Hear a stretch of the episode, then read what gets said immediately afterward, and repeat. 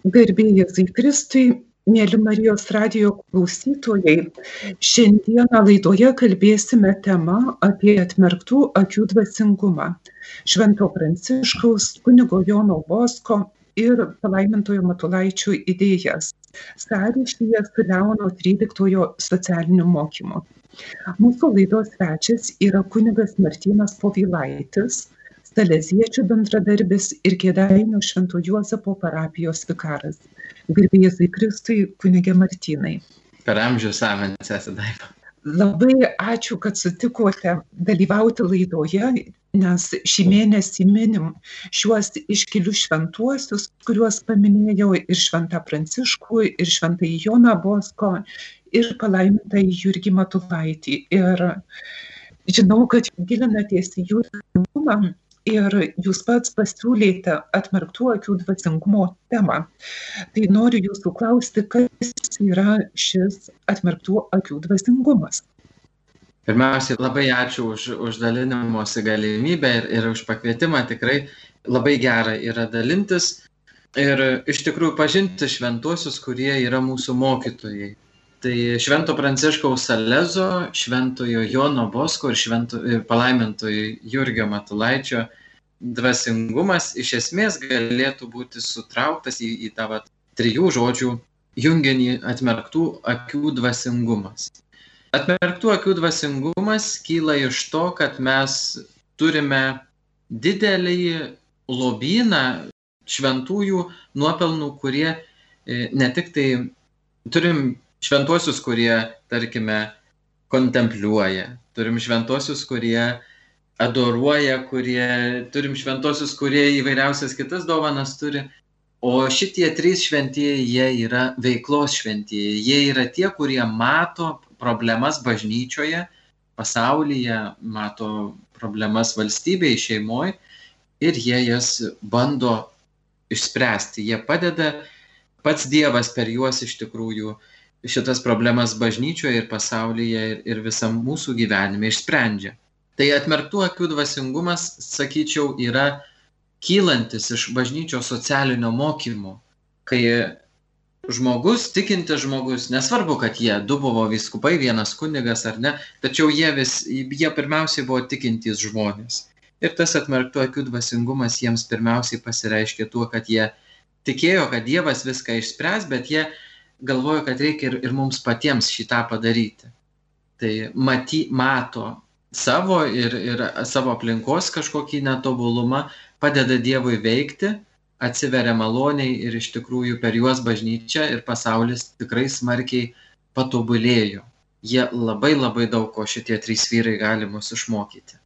Atmerktų akių dvasingumą dar galime irgi, kaip jau sakiau, jisai kyla iš socialinio mokymo. Tai jisai yra susijęs ne tik su, su dvasiniu gyvenimu, dažnai va dvasingumą siejam su įvairiausiom praktikom, ar tai būtų nusilenkimai, e, mišios, e, vainikėliai ir taip toliau, dvasinis skaitimas, tyla ir taip toliau, bet dvasinis gyvenimas mūsų yra susijęs su mūsų fiziniu gyvenimu ir kaip žmogus gyvena, ar jisai turi darbą, kokia yra jo, šeim, jo šeimos sudėtis, kokios yra jo garantijos socialinės, kokie yra jo nusavybės turėjimas arba ne. Tai yra orus ir skatintinas gyvenimas. Tai šitie trys šventieji, jie labai buvo susirūpinę ne tik žmogaus kaip na, vat, dvasiniu tokiu būviu, bet ir tiesos paieškom. Jie buvo susijęs su labai labai daugeliu dalykų. Tai atmerktos akis matyti viską, kas vyksta mano gyvenime, įskaitant ir sniegą už lango, įskaitant ir mano sielos stovį, ar man reikia išpažinties, taip, E, ar ne šiuo metu, mano dovanas, charakterio bruožus, viskas yra susiję. Ir iš tikrųjų, va tai yra jų, manyčiau, jungiamoji grandis šitų trijų vyrų. Laidos tema užduoda klausimą, ką reiškia Švento Pranciškaus dvasingumas atmerktų akių. Juolab, kad jis turbūt ir siekė Švento Pranciškaus laikus, nežiūrint to, kad jis gyveno kelius šimtus metų anksčiau. Kaip Šventas Pranciškus ateina į šiandieną ir į mūsų bažnyčios socialinio mokymo perspektyvą.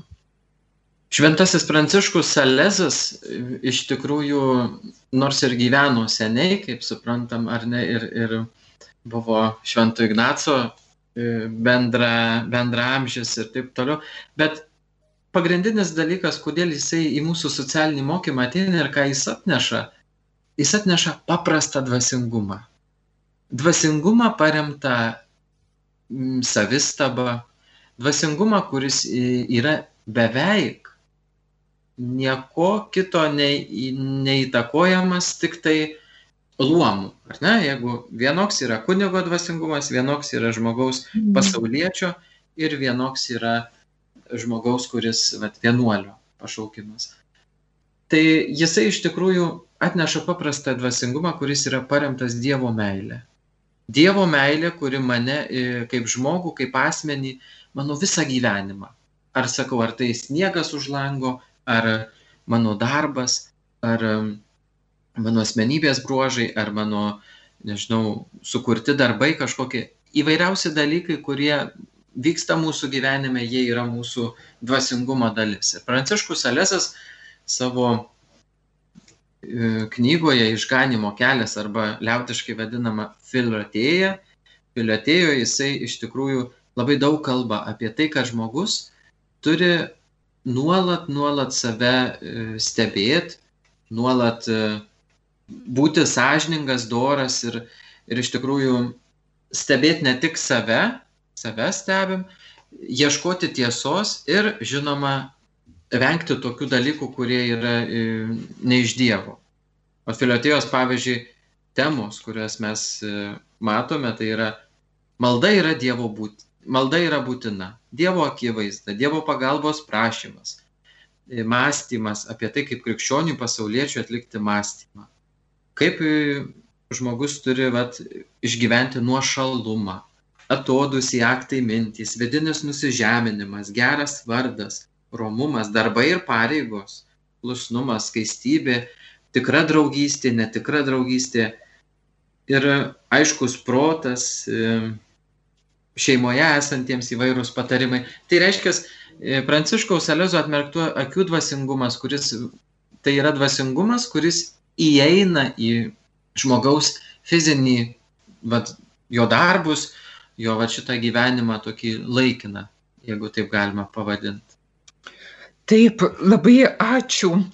Ir žinom, kad tai, vat, ką jūs sakėt, yra tas krikščioniškasis humanizmas, kuris labai siejasi tiek su Švento Ignaco dvasingumo. Ir štai šitą Salezo krikščioniško humanizmo idėjas pasiima kunigas Jonas Bosko. Kuo kunigui Bosko buvo svarbus Pranciškaus mokymas ir kaip jis jį pritaikė savo gyvenimo uždaviniams atlikti. Kunigo, kuris dirbo su jaunimu. Šventasis Jonas Bosko pasirinko Pranciškų Salezą savo globėjų. Jis ne tik kongregaciją saleziečių visą šeimą pavadino šito vardu, bet ir visa kunigo Bosko veikla jisai labai labai į jį žvelgdavo kaip į pavyzdį. Pirmas dalykas, kuris Pranciškaus Salezo, tas humanizmas, kuriame atsispindėjo tiek Salezė, tiek kunigė Bosko, yra meilingumas. Bet tas meilingumas kunigui Bosko buvo labai gražus, nes Salezas nebuvo toks visą laiką. Pranciškus Salezas buvo nekantrus, truputėlį išpuikęs, tokios garbėtroškos truputėlį būta jame iki kunigystės, iki atsivertimo tokio tikro jisai buvo advokatas, jis buvo išsilavinęs žmogus, turtingas. Pasakojama, kad jis, kai medžiodavo, neturėdavo kantrybės net batų atsirišti. Jis tuos raištelius arba tuos batus perpjaudavo ir mesdavo į kampą. Reiškia, ant kiek buvo, ant kiek žmogus buvo, nu, va, toks tikrai nedorybės pilnas. Gal nebuvo ant tiek jau visai kažkoks baisus, bet, va, Salezas buvo tikrai, jis dėjo pastangas ir darbas jame buvo tikrai nemažai bendradarbiavimo tarp Dievo ir tarp vat, mano bendradarbiavimo, ne? Tai kunigas Bosko jį išvelgia kaip į tą žmogų, kuris, kuriam pavyko. Ir vat, jaunimo auklėtojas, kaip jisai vėliau parašys savo prisiminimuose kunigas Bosko, jam irgi nebuvo visada lengva. Tai vad pirmiausiai humanizmas Salezo persikėlė į kunigo Bosko asmenį tuo, kad jisai ieškojo pats pagalbos. Tai va mes, kai ieškom pagalbos, į šventuosius kreipiamės, mes turim ne tik tai žiūrėti, kokie jie ten, ar jie levitavo ar nelevitavo, ar kūnas suiro ar nesuiro. Nu tai čia tokios nu, nesamoningos kategorijos. Bet žiūrėti, ką tas žmogus, ką jo darbai padarė mano kad aš galėčiau, vat, kaip aš galėčiau jį lygiuotis.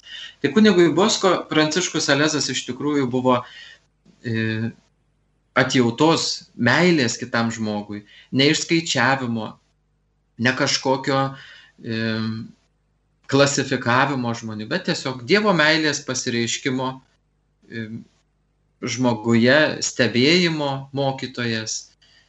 Ir tokio tylaus buvimo šalia mokytojas Salezas buvo kunigui Bosko. Taip. Ir štai kunigas Bosko pradeda veikti praktiškai gimsta. Ir po to jau veikia Italijoje ir aišku ir Prancūzijoje. Tuoj pat po įvykusios Prancūzų revoliucijos. Ir žinom, koks tas kontekstas buvo kad su prancūzų revoliucija praktiškai pasaulis apsivertė aukštyn kojom ir žinom, kad na, tai, kas buvo visai Europos visuomeniai būdinga įžadų kultūrai, ypatingai Prancūzijoje, ji praktiškai pradėjo nykti. Kunigams buvo draudžiama duoti kunigiškus pažadus, jie tą galėjo daryti tik civiliniai konstitucijai, santuokos kontraktai buvo taip pat nutraukti bažnytiniai, liko tik civiliniai draudžiami vienuoliniai įžadai. Praėjus porai metų sekė civilinės um, sutuoktinių skirybos ir netgi monarchija taip pat buvo sunaikinta. Ir štai tokioj padėti veikia kunigas Jonas Bosko. Tuo tarpu Leonas XIII irgi turėdamas užnugarį tokių kunigų ir tokių mąstytojų kaip kunigas Bosko, nes buvo ir Rozanamas, ir Fonketeleris Vokietijoje. Ir jų paveiktas jis parašo savo pirmąją encikliką ir joje kalba apie naujus dalykus, rerum novarum. Ir praktiškai jis įvardyja tą laikmetį didžiuoju gaisru, kuris praktiškai neužgesinamas ir štai prancūzų revoliucijai priešnuodis labai panašiai skamba kaip ir Pranciškaus Salezo atvirų akių dvasingumas arba Leonas XIII dar drąsiau vadinamas atvirų akių paradigma, nes jisai sako, ką galim pasiūlyti naujo esamai socialiniai tvarkai, ką reikia atstatyti, kas buvo sugriauta. Ir štai tokiai, na, kvietė tiesiog bažnyčią ir visuomenę šitai tvarkai peržiūrėti ir atsiliepti, suteikti naują laiko dvasę. Todėl noriu klausti, vat, tas įžadų naikinimas, įžadų kultūros, kaip tai pasireiškė kunigo Bosko aplinkoje? nes atrodo jis kūrė vienuolijas. Taip. Kunigas Bosko labai buvo, nu jau kaip jau supratom iš ankstesnių ir šiaip kaip, kaip pažįstam jie, ne, jisai buvo labai labai bažnytinis žmogus. Ir jam visas bažnyčios autoriteto menkinimas, kurį padarė prancūzų revoliucija, tas gaisras, kurį iš tikrųjų prancūzų revoliucija sukėlė, šitas dalykas mums tikrai nepasitarnavo, kad bažnyčia būtų žmonių akise tinkamai vertinama. Tai kunigas Bosko, ką jisai darė, jisai ėmėsi atkurti, atkurti vienuolinę veiklą. Aš tai sakyčiau, jisai netgi kūrė tas vienuoli, vienuolijas ir, ir vat atnaujino, padarydamas šitą dalyką tikrai, nes vienuolijos iki tol vienuolijos iš, iš tikrųjų įsisteigia yra altruizmo dvasioj, tokioj gelbėjimo dvasioj. Paskui, kaip jau nueina ar ne visai pasidarydavo. Bet e, vienuolyje kaip altruizmo, va, toksai norėjimo padėti kitiems, tokio nesuinteresuotos meilės mokykla, iš tikrųjų buvo gesinama valdžios, masonerijos ypač ir, ir įvairių kitų dalykų, nes Italijoje buvo masonai valdžioje ir jie tiesiog labai labai priešinosi. Ir kartą kunigas Bosko sapnavo tokį sapną Viktorui Emanueliui, paskui jį pranešė, kad jeigu Viktoras Emanuelis ne, jeigu jisai panaikins vienuolijas, tai tada bus didelės laidotuvės karaliaus dvare. Žinoma, jisai neklausė, galvojo, nors kuniga Bosko visi gerbė, jisai neklausė šitų dalykų, o paskui m, mm, viena po kitos sekė mirtys karaliaus dvare, karaliaus žmona ir, ir jo karalienė motina mirė. Taigi, kunigas Bosko įspėjo šitą karalių Viktorą Emanuelį, kad tu nedaryk taip, neuždaryk vienuolynų, bet buvo padaryta, kas buvo. Buvo, žinot, labai padaryta panašiai kaip pas mus sovietmečių. Vienuoliai iš, iš, ištremti arba, arba jie kažkaip e, suspausti, arba turėjo keltis į, į privačius namus, o turtas konfiskuotas. Tai va, reiškia, bažnyčia jokio va, ne, negalėjo turėti vienuolijos turto ir visiškai nebuvo įmanoma įsteigti vienuolynų kadangi kunigas Bosko XIX amžiuje, kaip žinom, su jaunimu e, dirbo ir ta jų saleziečių vienuolyje, jinai buvo e, pajungta jaunimo auklėjimui, jisai rūpinosi, galvojo, kaip čia dabar padaryti, kad įsteigus vienuolyje, kad ją įsteigtų tokiam sunkiom sąlygom. Ir žinot, kunigui Bosko pavyko. Jis patartas vieno atsivertusio tokio nusidėlio prieš mirtį jis jam pasakė tokius žodžius. Sako, tu padarykite taip, kad broliai ir seserys bažnyčioje, o valstybėje būtų tie žmonės tiesiog piliečiai. Reiškia, kad e, jeigu tu esi vienuolis, tai nereiškia, kad tu nesi pilietis. Ir vad koks įdomus dalykas, kunigas Bosko gudrumu įsteigė vienuolyje tada, kai vienuolijos nebuvo įmanoma jokiais, jokiais, jokiais įmanomais būdais įsteigti. Tai genialus iš tikrųjų kunigo Bosko gudrumas, matant, stebint aplinką, klausiant žmonių, kurie gali suprasti, naudojantis kontekstu netgi ar ne, mirties momento, tokiu pat kontekstu. Ir iš tikrųjų ir pavadinimai vienuolyjų, ir, ir, ir tikrai jų charizma yra labai tokia dvilypė. Tai yra, pavyzdžiui, Švento Pranciškaus Salezo draugija vadinosi saleziečiai. Ne vienuolynas, ne koks abatyje, ne dar kažkas. Draugija. Kad nieka, nu, bet kad neužkliūtų. Bet tai, kaip žinom, nesutrukdė nei misijos atlikti, nei kaip tik dar gal padėjo. Abito nėra pas saleziečius, pas vat vyrus, ar ne? Paskui Marijos krikščionių pagalbos dukterų institutas. Tai reiškia, ne, ne kažkoks e, irgi abatija, vienuolyje, dar kažkas, bet tikrai tokie, tokie pavadinimai, kur, arba saleziečių bendradarbių asociacija. Tai vat, tas toks labai gražus e, kunigo Bosko, sakau, ir žodžių žaidimas, ir, ir jo pati veikla visa buvo paremta. Tai vat mes iš šito šventojo galim irgi tokio pasimokyti jo socialinis mokymas, jo visa veikla socialinė iš tikrųjų rėmėsi vat, vieną jo charakterio savybę, kuri vadinasi šventas gudrumas. Čia prisimena vieną istoriją iš tada, kai jisai statė Marijos krikščionių pagalbos bažnyčią, valdžiai nepatiko Marijos krikščionių pagalbos titulas, dėl to, kad Marijos krikščionių pagalbos titulas yra tiesiogiai susijęs su popiežiaus, nu, vat, popiežiaus vardu, popiežiaus išlaisvinimu iš Napoleono valdžios, iš Napoleono nelaisvės ir jiems nepatiko. Ir sako, žinot, kunigė Bosko, mes norėtume, gal jūs pavadinkit Rožančiaus Marijos, ar Škaplierinės, ar kokios nors kitokios Marijos, sako, nu vis tiek ta pati. Ir kunigas Bosko sako, o kodėl jums nepatinka tas pavadinimas? Nu, sako, toksai senoviškas labai tas pavadinimas. Žiūrėkit, sako, jeigu jūs dabar patvirtinkit projektą bažnyčios, o dėl pavadinimo mes susitarsim. Tai taip ir nesusitarė. Ir taip ir mes turime Marijos krikščionių pagalbos baziliką pastatytą tuo metu, kai irgi tas net vardas buvo truputėlį nepatinka.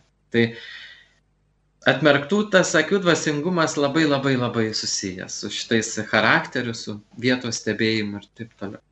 Labai svarbius dalykus paminėjot, kur norėčiau pargrįžti, apibendrinti ir prašyti, kad mes toliau apie tai dar giliau panalizuotume. Paminėjot, kad kai kūrė vienuolijas, kunigas Bosko uždavė savo broliams, seserims, na, tokią, sakyčiau, misiją nelengvą - derinti gero piliečio ir gero krikščionio kataliko na, gyvenimus. Ir kas vėl įdomu, kai mes žiūrim į bažnyčios socialinį mokymą ir vertinam Leono 13 Rerum Novarum atsiradimą, kai popiežius Leonas XIII kalbėjo apie didįjį gaisrą, apie įžadų naikinimą ir tuo pačiu, kad pasaulis serga, visuomenė serga, nes nėra pusiausvyros tarp trijų būtiniausių asmeniui, žmogui visuomenių - tai šeimos, valstybės ir bažnyčios. Ir jisai sako, kad tai buvo sugriauta ir kad yra būtinybė, kad šitos trys visuomenės būtinosios žmogui, visuomenės veiktų. Ir kad tai yra veda į socialinę tvarką. Ir jų reikia tam, kad žmogus gyventų gerai ir laimingai. Ir tuo labiausiai rūpinasi politinė visuomenė ir bažnyčia. Ir praktiškai bažnyčia ir visuomenė tarnauja šeimai, namų bendruomeniai arba visuomeniai.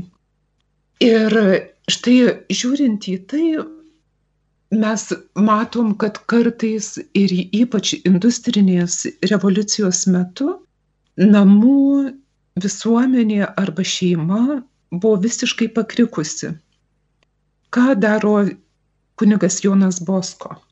Kaip jis ugdo jaunimą ir kaip jiems padeda būti gerais krikščionimis ir gerais piliečiais. Kunigas Bosko iš tikrųjų darė du dalykus. Pirmas, e, čia kyla ir, ir jo turbūt tas e, garsi ištara darykime, ką galime, visą kitą padarys Dievas. Jis darė du dalykus. Bet kaip socialinis šventasis.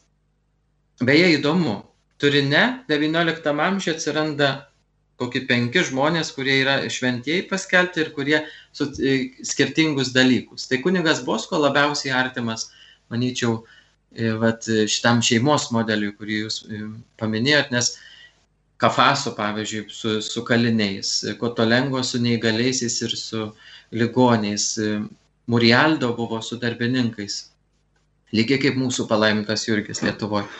Taip, kunigas Bosko jisai darė du dalykus. Jisai stiprino šeimą, na pavyzdžiui, žmonės pas jį plūsdavo e, įvairiausių stebuklų prašyti, nes turėjo jisai stebuklą daro dovaną. Paskui taip jo patarimo prašydavau, gatvėje jį sutikę. Ir jis, jo visi būdavo tie va tokie atsimušinėjimai, ar ne, tos klausimas būdavo tokie va prošeimiški, kad jūs, reiškia, savo, savo šeimą mylėt. Vat jeigu vyras koks ten irgi, nu, vat, pagalbos prašo, tai jis irgi vat, atgrėžia į šeimą. Tai vienas yra stiprino šeimą tiesioginė prasme, o kita jisai su, sukurdamas oratorijos instituciją jisai e, tą šeimą atstojo, kaip sakyt. Įsivaizduokime, jeigu vaikas neturi tėvų, jam reikia, kad kažkas pabūtų jo tėvais ir motinom. Ir vat tai saleziečiai pirmieji ir darė iš tikrųjų. Ir kunigas Bosko pats iš pradžių su mama jie dviese, paskui, kai atsirado saleziečių draugija, tiesiog e, didesnės pajėgos, nes tų vaikų buvo nemažai jau mamai ir jam 500 vaikų vien pamaitint turbūt yra sunku. O ką jau kalbėti apie užimimą, jų apie užimtumą ir taip toliau. Tai jisai sakydavo, vat ir prevencinės sistemos vienas iš tokių dalykų ir saleziečiams vienas iš tokių gražių priesakų, sako, atsiminkit, kad mes atstojam tėvus šitiems vargšams vaikams. Tai reiškia, ir vad saleziečių visas dvasingumas, visas kunigo Bosko paveldas yra paremtas šeimos patirtim, šeimos potyriu. Jaunas žmogus tada gyja, kai jis pasijunta, kad jis yra mylimas, kad jis yra gerbiamas, kad jis yra vertybė pats savyje ir kad jis yra saugus šeima, namai. Tai va tai yra raktiniai žodžiai kunigo Bosko. Ir va per šitą, kai jis išgydydavo tuos, atpumpuodavo, ar ne, kaip čia pasakyti kitaip, tuos vaikus, tuos žmonės, juos kai tiesiog e, pakeldavo iš tokio gatvės, gatvinio stiliaus į, į tikrai inteligentiško žmogaus gyvenimą, mokydamas amato, susita, e, mokydamasis ir mokėdam, mokindamas tuos vaikus pastovėti už save, pavyzdžiui, už savo darbo sąlygas E, arba pats nueidamas, susitardamas. Tai jisai iš tikrųjų kūrė visuomenę. Ir vad, saleziečių visos šeimos e, pagrindinis šūkis, pagrindinis produktas, kaip sakant, kurį pat mūsų vienuolinė šeima e, pateikiam pasauliui ir bažnyčiai, tai yra geras krikščionis ir garbingas pilietis. Du dalykai mano kaip žmogaus ir, ir bendruomenės visos krikščionėjimas ir pilietiškumas. Tai vad per šitus du dalykus auga žmogus, kuris išgyja. Įsivaizduokime, jeigu, va, pavyzdžiui, jisai tokius, mes kalbam ne apie taip vaikus, kurie, va, ar ten turi raidos sutrikimų, ar dar kažkokių, netokie vaikai eidavo iš tikrųjų į kunigas Bosko dirbo su tokiais, kurie buvo sveiki, bet labai labai sužeisti sieloje. Ir ar ne, jeigu vaikas neturi, pavyzdžiui, tėvų, jisai gyvena gatvėje, tai jis tikrai nėra žančių kalba su savo draugais, ar ne? Ir tikrai ne, ne švenčiausia valgo arba ten kažkokius, nežinau, stacijas eina, ar ne? Jisai iš tikrųjų vag, vagys tie vaikai buvo, jie buvo moraliai ne visai tinkamai susiformavę ir juos reikėjo tikrai gryno vandens gurkšnio, jiems to kunigo reikėjo. Ir ką jisai daro, jisai tuos žmonės paleidžia į pasaulį. Kitaip sakant, jo veiklos pagrindinė esmė ir yra, kad jisai tie vaikai, jie susiformuotų meilės toj aplinkoj, pagarbos aplinkoj. Ir jie tada kaip iš lizdo būtų, ne tai kad išmetami, bet būtų išsiunčiami į pasaulį, kad būtų šeimos gražios kad būtų graži visuomenė, kad būtų darbo kultūra. Ir vad kas liečia darbo kultūrą ir tą vat rerum novarum, ar ne, čia paminėjot, tai labai, labai, labai kunigas Bosko gyveno anksčiau rerum novarum. Ir vad kas įdomiausia, kad tikri šventieji mes atpažįstam, kaip sakiau, ne pagal tai, ar, ar supuvo kūnas, ar, ar ne, ar jisai ten levitavo ar ne, ne pagal tai. Čia jau too much bet mes iš tikrųjų atskiriam pagal tai, kiek tas šventasis buvo savo laikė ir jeigu jis pilnai buvo savo laikė su savo šventom dovanom, jisai peršoko laiką. Tai įsivaizduokit, toks vienas mažytis pavyzdėlis iš kunigo Bosko paveldo. Turino arkiviskupijos kurijoje yra saugomas e, dokumentas, tai yra sutartis rašyta ranka Šventojo Jono Bosko, kunigo Jono Bosko pasirašyta su darbdaviu, su mūrininku, kuris įsivaizduokite, ta, ta sutartis skamba taip. Mes sutarėm, kad 8 valandas šitas toks ir toks jaunuolis dirbs ir vieną valandą tame tarpe ilsėsis. Tai jo įvestas dalykas, įsivaizduokit, broliai, seserys, sesė daivai, įsivaizduokit, mes dabar dirbam 8 valandas, ir vieną valandą ilsimės visuose darbuose. Tai va kiek socialinis, bažnyčios socialinis mokymas iš tikrųjų, jisai labai yra tas dabartinis pasaulietinis socialinis mokymas, ar ne? Tai iš tikrųjų yra paremtas bažnyčios socialiniu mokymu. Taip. Kunigas, labai va šitas kunigas kovojo už, už teisės. kadangi nepasitikėjo darbdavę, ar ne, jisai pasirašė sutartį, viskas aišku. Aštuonias valandas dirba, vieną valandą ilsisi. Pagarba žmogui, darbas, meilė, va šitą šeimą, žmogų, kuris va tokiuose sąlygose gyvena, jam paskui sukurti normalią šeimą, auginti ir mylėti savo vaikus, tikrai nėra sunku. Ir tai, ką jūs sakot, tikrai, na, bažnyčios principai socialinio teisingumo labai susiję tiek ir su žmogaus asmens orumu, kurį saugom, ir su kitais principais, kurie neprivalomi ir jie negali egzistuoti vieni be kitų. Jeigu žmogaus negerbi, jie nesilaikai teisingumo, na, tada šlubuoja visas aparatas ir asmenybės ugdymas, ir visuomenės gyvenimas. Ir minėjote, kad kunigas Bosko kūrė institutus, draugijas, um, dabar asociacijas. Jeigu mes pereitume prie palaimintojo Jurgio gyvenimo, manau, kad labai panašiai elgėsi ir Jurgis kuris kūrė vienuolijas Lietuvoje, tarsi bandydamas atgaivinti tą įžadų kultūrą ir mūsų krašte. Mūsų kraštas tai buvo ir Lenkija, ir Lietuva, ir Rusija. Tuo metu toks buvo jo veiklos laukas. Ką jūs galėtumėt pasakyti apie palaimintą į Jurgį? Tam atvirų akių dvasingume. Žinom, kad jis taip pat labai vertino Pranciškaus Salezo dvasingumą. Tai palaimintas Jurgis iš tikrųjų yra, aš taip mėgstu kartais sakyti, kad jis iš tikrųjų yra Lietuvos kunigas Bosko. Jo įtaka, jo darbai, jo asmens žavumas, jo tikrai erudicija, tai tikrai jie kaip broliai sakytum, toli viens nuo kito kaip ir gyveno, skiria juos truputėlis laiko, bet tikrai labai labai įspūdingas šitų dviejų šventųjų broliškumas. Ir kas įdomu iš tikrųjų, kad e, palaimintas Jurgis, jisai jau turėjo rerum novarum, ar ne?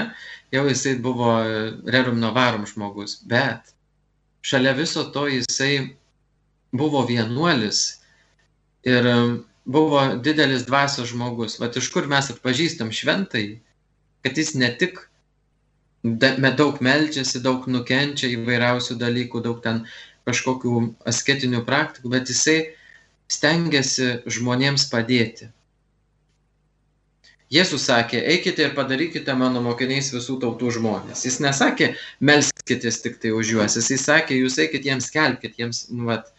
Tai Pranciškaus Salezo dvasingumas ir, ir, ir kunigo Bosko, manau, kunigas Bosko palaimintam Jurgiui turėjo įtaką. Nes e, ir abito nebuvimas pas Marijonus, ar ne, ir, ir seserims toksai, kaip sakant, e, gal rezervuotas tas toksai, čia jūs turbūt geriau pasakytumėt, ar ne, apie, apie išorinės tas tokias priemonės kaip abitas, bet visas tas iš tikrųjų broliškumas atsispindi ir jo veikloj. Ir pavyzdžiui, palaimintas Jurgis irgi savo Trinapolio rezidenciją buvo atidavęs vargšų našlaičių globai. Lenkijoje jisai irgi buvo ir direktorius tos e, vaikų prieglaudos ir net apdovanojimą buvo gavęs iš pasaulietinės valdžios, bet neėmė, nes buvo labai toks panašus į kunigą Bosko, sakau, labai jie tokių pasaulietinių įvertinimų ne, nenorėjo. Tai palaimintas Jurgis Lietuvai ir mūsų bažnyčiai, mūsų kraštui, Europai netgi, sakyčiau, tokio profesionalaus e, socialinio šventojo. Jis buvo, žinoma, už kunigą Bosko ir Salezą turbūt daugiau išsilavinęs, nes buvo profesorius, jisai ten ir, ir ten, ir ten, ir ten studijavo, jisai aštuonias kalbas mokėjo, jisai turėjo tiesiog tokias tas atmerktas akis, kad jam kaip vyskupui ir tais laikais jam nebuvo sunku pakalbinti valgyklos darbuotoją, paklausiant, ar, ar jūs jau pavargus, jau matau visai, eikit palsėti. Arba ten darbininkus, tiek dėl kunigų pergyvendavau, vad kaip jis pavyzdžiui, kai tėvą Mukermaną suėmė, kaip jį ten vienu žodžiu, jisai dėl jo irgi labai daug stengiasi. Jisai savo viskupijos kunigus labai gerai. Reiškia, jisai matė, matė ir viską, ir visi žmonės, kurie buvo iš skirtingų vietų, iš skirtingų e, pašaukimų, šitą žmogų matė kaip tą, kuris ne tik poteriauja, bet ir kuris dirba ir veikia. Ir vienas iš jo e, va, tų įgyvendinimų tai yra darbininkų švietimas. Kursai, pavyzdžiui. Įvairūs e, žmonės pasisakymai, laiškai, palaimintas Jurgis, e, kadangi buvo iš tikrųjų socialinio mokymo ekspertas Europoje, turbūt vienas iš pačių rimčiausių tuo laiku, jisai negalėjo tik tai gyventi kažkaip šalia. Reiškia, aš esu social, sociologijos profesorius, esu vyskupas, nu, o gyvenu, reiškia, kad taip liktų dviejų nebūtų. Tai jo iš tikrųjų indėlis į mūsų socialinį mokymą yra labai, sakyčiau, didelis, nes jisai ir netgi yra knyga išleista jo, ar ne? Socialinė filosofija, jisai atneša naują, naują spalvą į bažnyčios Lietuvoje gyvenimą, kad mūsų tikėjimas ir mūsų darbas ir mūsų filosofija ir mūsų mąstymas ir mūsų nusavybė, visa tai yra mūsų dvasinis gyvenimas. Tai, bet, tai kilo iš jo susižavėjimo Pranciškum Salezu ir sekimu jo darybėmis. Iš to paprasto, labai aiškaus, pasiketinimais pagrysto dvasinio gyvenimo.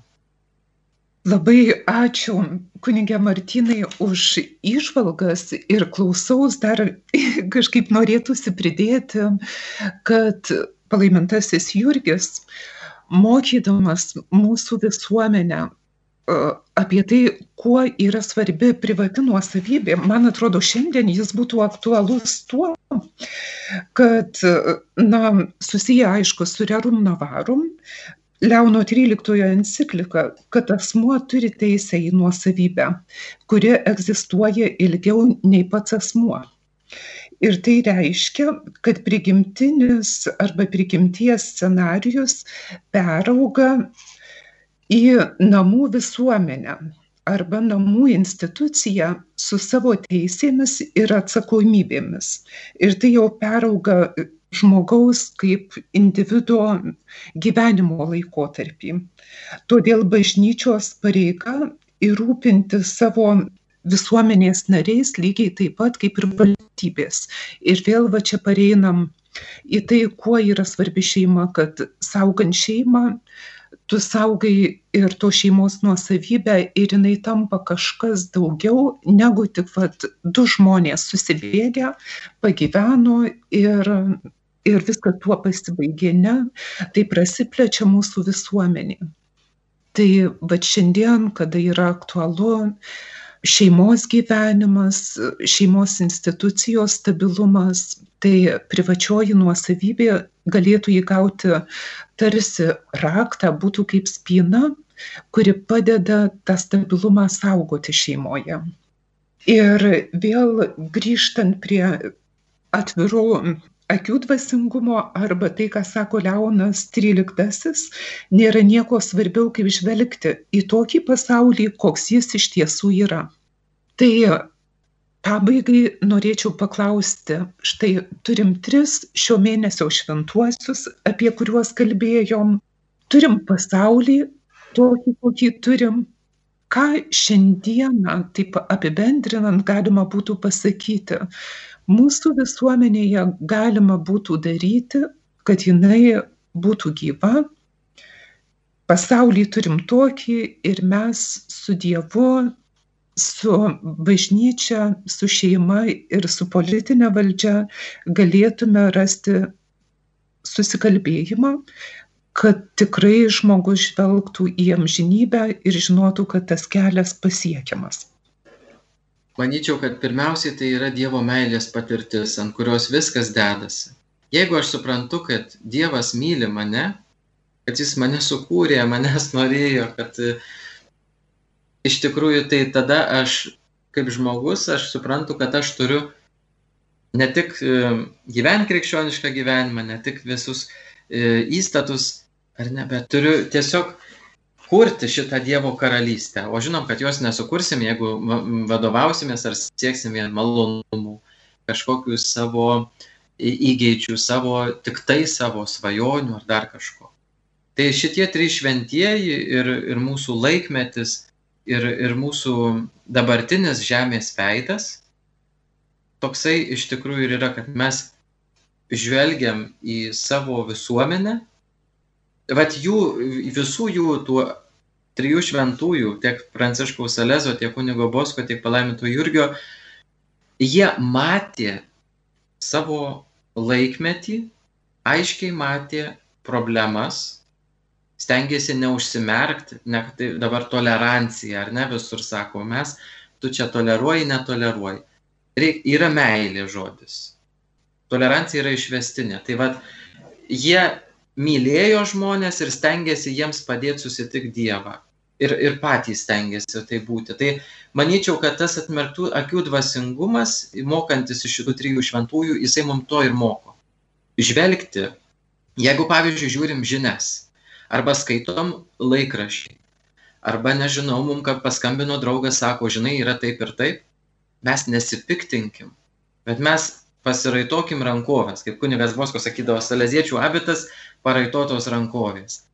Tai va, iš tikrųjų, tegul mum ir visiems bus, kurie klausom, kurie va, kalbam, tegul e, va, jų užtarimu mūsų, mes žvelgiam į situacijas, į, į pasaulio veidą, į visokiausius įvykius, į pandemiją, kaip į, ne kaip į kažkokį bausmę ar, ar kažkokį, nu tai tau, ai, ai, ai, bet kaip į palaukit.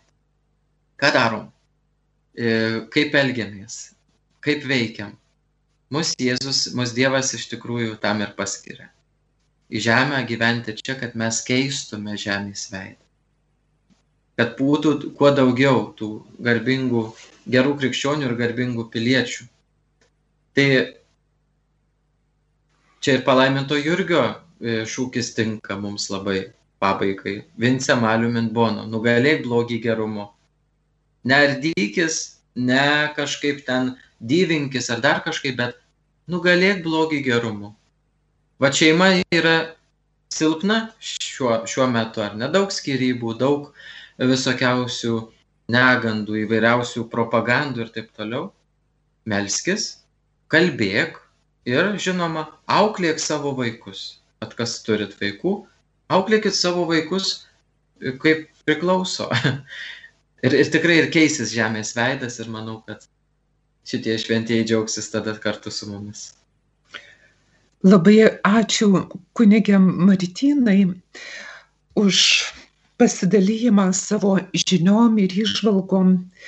Ir, mėly Marijos radio klausytojai, šiandienos temą apie atmerktų akių dvasingumą baigsime ir, na, jungdamasi prie kunigo Martino minčių, norėčiau tą patį pasakyti, kad šiandien mums yra svarbu žvelgti į tokį pasaulį, koks jis iš tiesų yra, tai ką pasakė Leonas XIII prieš daugiau negu šimtą metų ir ką pasakė Pranciškus Salezas prieš 500 metų.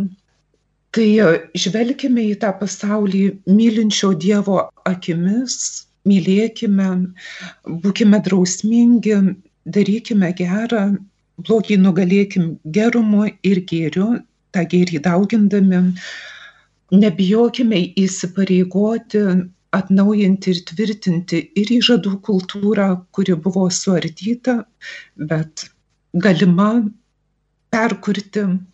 Gyvenkime prašydami šių šventųjų užtarimo ir gairių, kaip mums pasiekti tą tikslą, į kurį viešpats mus šaukia. Ačiū Jums. Primenu, kad šiandieną apie atmerktų akių dvasingumą Švento Pranciškaus Salezo, kunigo Jono Bosko ir Matulaičio idėjas sąryšį su Leono 13 socialiniu mokymu kalbėjomės su kunigu Martinu Povilaičiu, Saleziečių bendradarbiu, Kėdainių Švento Juozapo parapijos vikaru. Laidą vedžiau aš, sesuo Daiva Kuzmickaitė. Su Dievu. Sudė.